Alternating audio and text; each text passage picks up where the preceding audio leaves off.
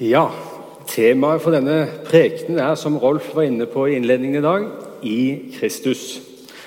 Og Det er jo en del av vår visjon. Så Vi var enige om det nå før sommeren, at vi hadde lyst til å sette fokus på vår visjon og bruke noen søndager på den framover. Så Jeg skal altså begynne med i Jesus i dag, og det skal også Ulf neste søndag på Høgsveen. Og så skal Egil og Elisabeth si litt om for hverandre og Kristoffer om ut i verden. Um, I Kristus det er et uttrykk som brukes mye i Bibelen, spesielt i Nytestamentet. Eller det er jo i Nytestamentet. Og I Paulus sine brever så finner vi dette stadig vekk i hans brev. Og Bare den teksten vi hørte i stad, fra Efeserbrevet, så ble uttrykket brukt syv ganger. Eh, men også Jesus bruker det. Han sier i, eh, 'Bli i meg', sier han. For uten meg kan dere ikke gjøre noe. Eh, så det med andre ord er et uttrykk som er utrolig sentralt. Eller som Rolf også sa, det er jo det i kjernen av det vi, der vi er og lever og tror. Og Det er en stor velsignelse å få se mer inn i dette begrepet.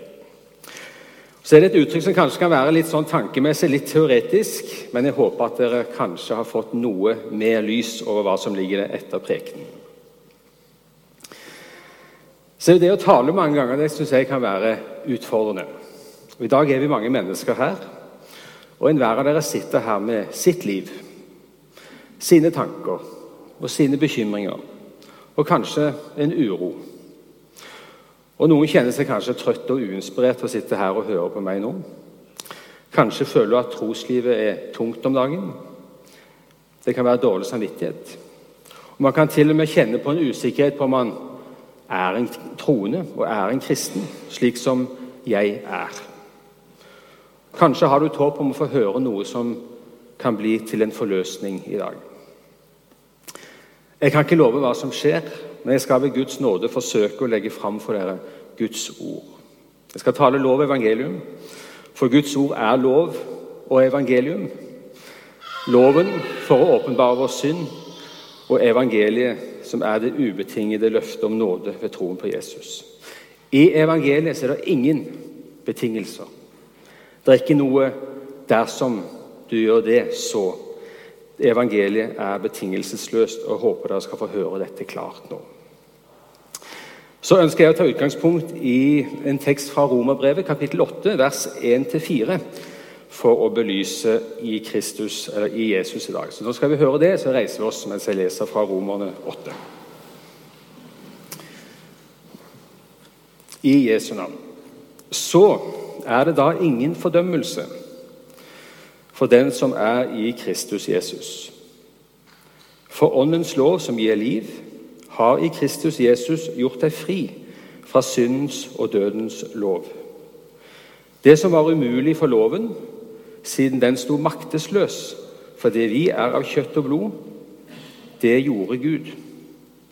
Han sendte sin egen sønn som syndoffer i samme slags kjøtt og blod som syndige mennesker har, og holdt dom over synden i oss. Og slik ble lovens krav oppfylt i oss, som ikke lever slik kjøttet vil, men slik ånden vil. Gode Gud, himmelske Far. Takk for at vi er samlet her nå, samlet som dine barn. Takk for at du er midt iblant oss og er her sammen med oss, for det har vi ditt ord på. Og Jeg ber om at du må la våre hjerter falle til ro. La oss høre hva du ønsker å si til oss i dag, og la oss få se evangeliet, hva, hva det virkelig er vi har i troen på deg, og hva det betyr at vi er i deg, Jesus. Så ber jeg for hver enkelt her. Du ser den enkelte, og hva som rører seg i det enkelte hjertet. Kom med din ånd og med din fred, og la oss få være stille for deg nå, Herre. Velsign denne stund, og velsign de ord jeg skal si. La det være etter ditt hjerte, Herre. I Jesu navn. Amen.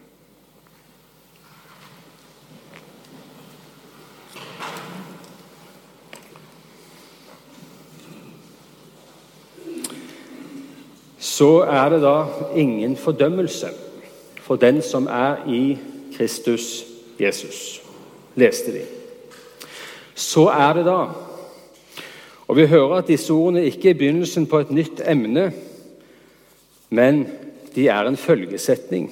De er en konklusjon av det som har vært sagt tidligere i det Paulus har talt om i, romerne, i romerbrevet.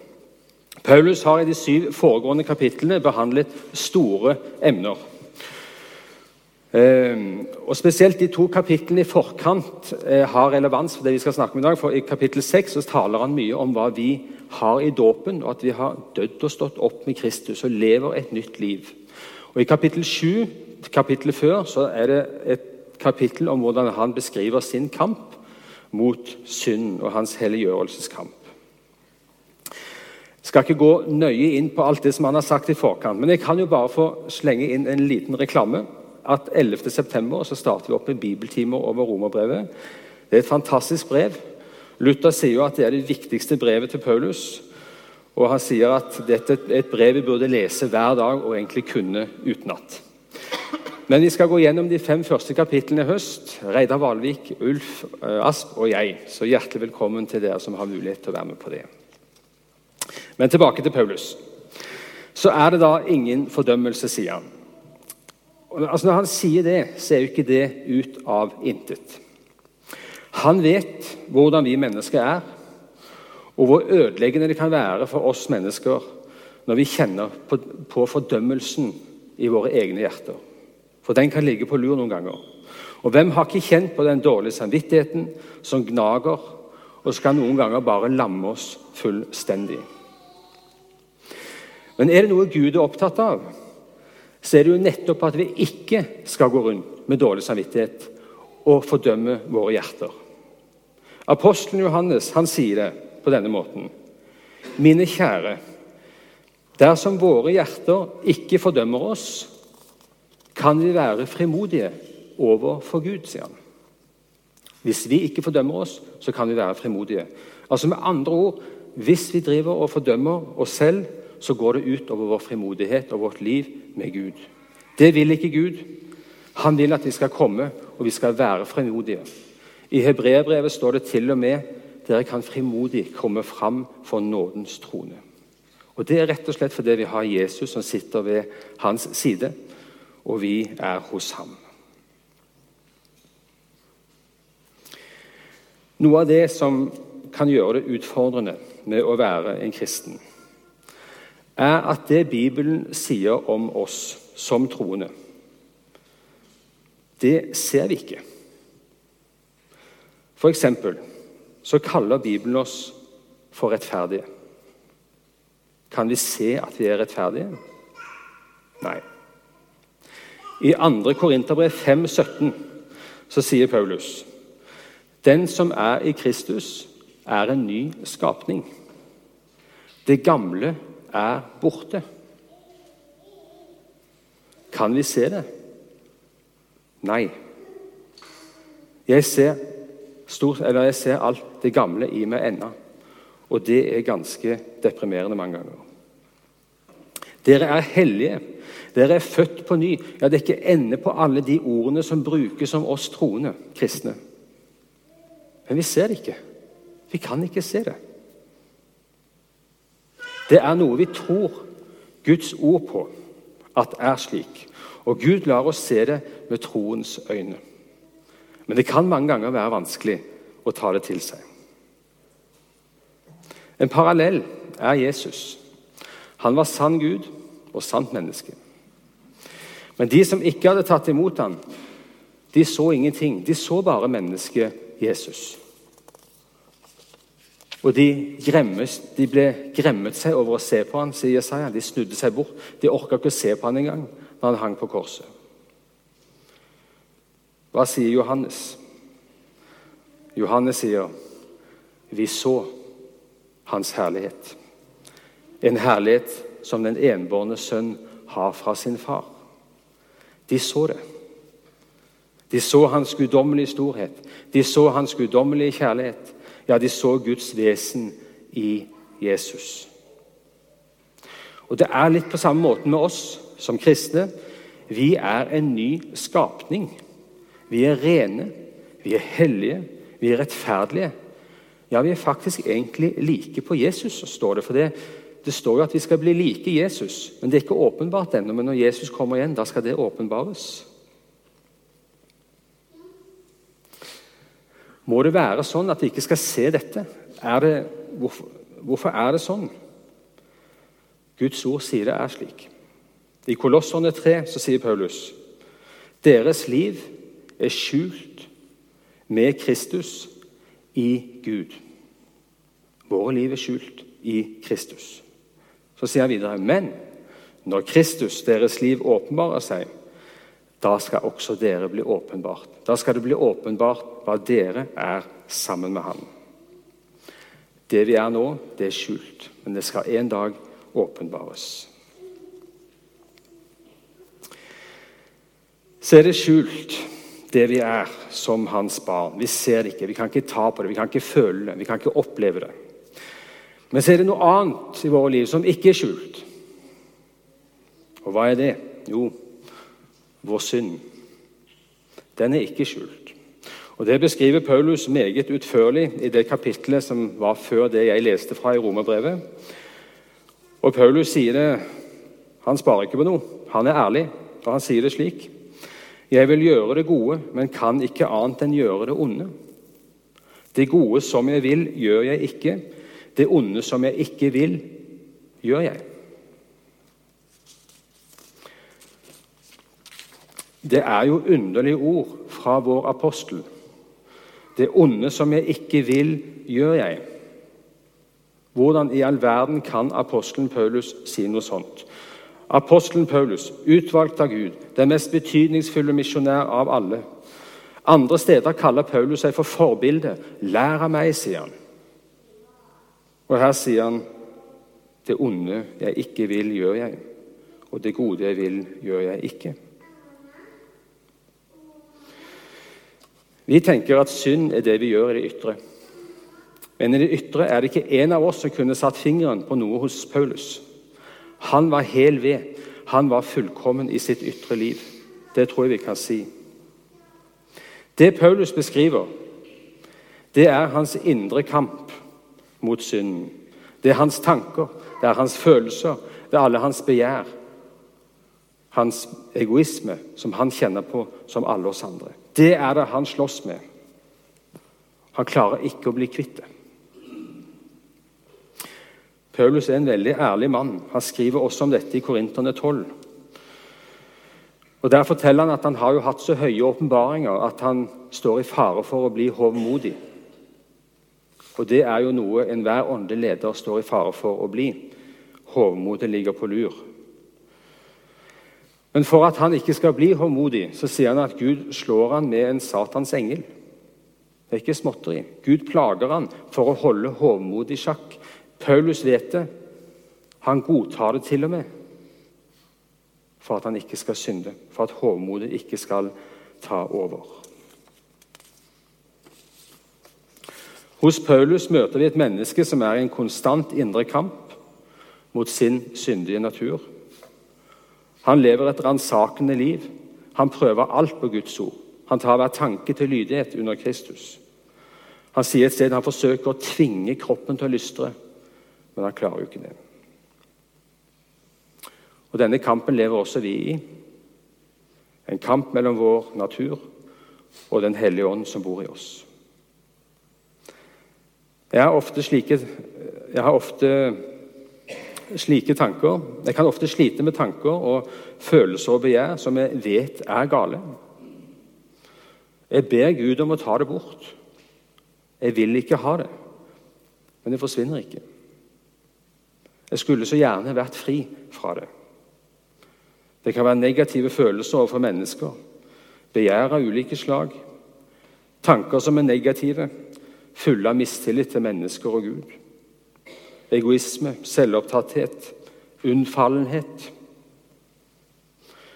Jeg tror de fleste av oss kanskje er glade for at våre medmennesker ikke kan se hva som rører seg i vårt indre og i våre hjerter en del ganger. Det er mye som ikke tåler dagens lys. Da syns jeg det er godt å tenke på det David sier i Salme 25. For der sier han at Herren har fortrolig samfunn med den som frykter ham. Vi kan legge alt fram for Gud. Han tåler det. Og han vil at vi skal legge det fram. Få det fram i lyset. Da blir det ikke farlig lenger. Så sier Paulus videre, da. Hva i verden skal jeg gjøre? Jeg er ulykkelig menneske. Han er helt fortvila. Han kommer ingen vei. Hvem skal fri meg? Gud være takk, sier han. Det er Jesus Kristus. Og så sier han de ordene vi leste, så er det da ingen fordømmelse for den som er i Kristus Jesus. Og Dette er viktig for Paulus å understreke. For han vet at når vi kristne lever i denne kampen, da er det jo nettopp fordømmelsen og tvilen og den dårlige samvittigheten som ligger på lur. Er jeg en kristen som tenker på den måten, føler slik, går med den slags tanker og ønsker og begjær? Da svarer Gud ja, du er mitt barn, og du tilhører meg. For når jeg ser på deg, så ser jeg ikke lenger dette som du sliter og jobber med. Jeg ser det ikke lenger. I Salme 103 har jeg nemlig sagt følgende.: Så langt som øst er fra vest, tar jeg syndene bort fra deg. Så langt som øst til vest, det er jo uendelig. Hvordan kan han gjøre det? Det sa Paulus også i vår tekst i dag, for han sa følgende.: Det som var umulig for loven, sa Paulus, fordi den var maktesløs, fordi vi er av kjøtt og blod. Det er jo den kampen som Paulus har beskrevet. Han kjenner bare på en total umulighet å komme til kort og komme i mål. Det som var umulig, det gjorde Gud. Han sendte sin sønn som syndoffer og holdt dom over synden i oss. Og slik ble lovens krav oppfylt i oss. Jesu død er en dom og en straff over vår synd, din og min synd. Enhver synd og stygg tanke vi måtte slite med, er gjort opp. Og Når vi ser Jesus på korset, så er det for våre synder han henger der. Og Legg merke til det som vi også leste fra Paulus, for han sa følgende Slik ble lovens krav oppfylt i oss, sier han. Alt som Gud krever av renhet, rettferdighet, hellighet, kjærlighet, oppofrelse, hengivenhet og hva det måtte være, er blitt oppfylt i oss ved troen på Jesus. Fordi han oppfylte loven med alle dens krav. Og vi tilregnes hans rettferdighet. I Kolosserne 2,13 står det Gjeldsbrevet mot oss slettet han, det som var skrevet med loven. Enhver av oss hadde et gjeldsbrev skrevet med loven. For hver, Jesus sier for hvert unyttig ord som dere har sagt, skal dere stå til regnskap. sier han. Altså med andre ord, For hvert unyttig ord vi sier, for hver tanke, for hva det måtte være, skrives opp på gjeldsbrevet. Og Vi skjønner at det gjeldsbrevet det blir stort. Hva gjør Gud? Han sletter det. Han tok det bort. Hvordan? Han naglet opp på korset, i hendene på Jesus. Der er ditt og mitt navn skrevet inn i hans hender i naglene.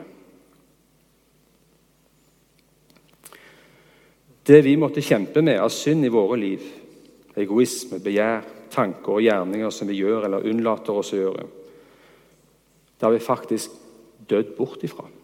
Det er det underlige. Paulus sier du kan regne deg som død for det.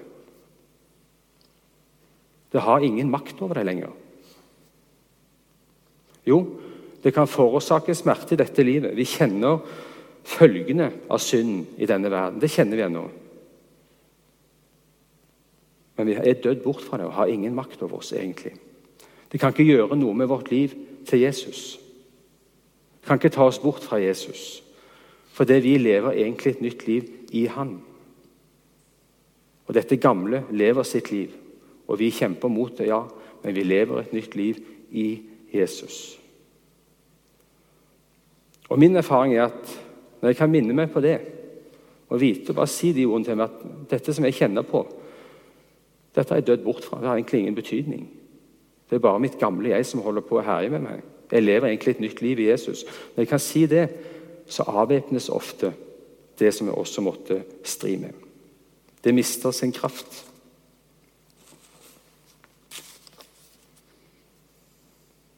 Dette har vi i troen på Jesus.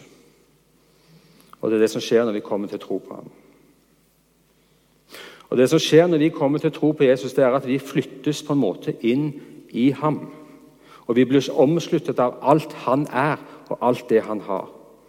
Og Der bruker Bibelen mange fine bilder for å levendegjøre det for oss. Blant annet så sier Jesaja at Herren har kledd meg i frelsens klær og svøpt meg i rettferdighetskappe. Han har pakket oss inn i en rettferdighetskappe og med rettferdighetsklær.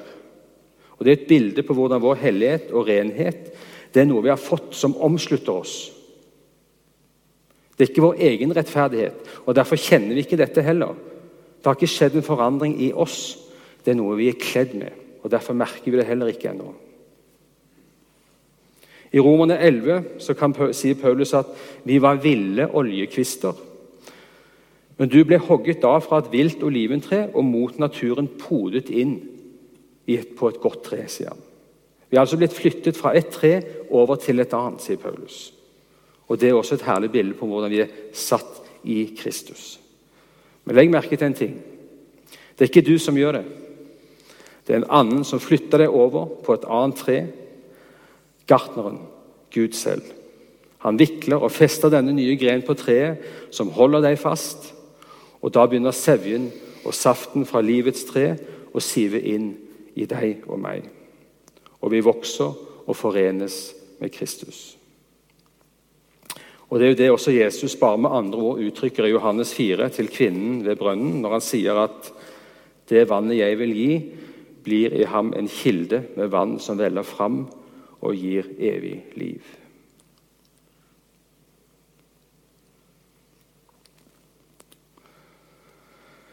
Dette er Guds nåde, og denne nåde er ubetinget. Og Det er rett og slett fordi denne nåde hviler fullt og helt på det Jesus har gjort.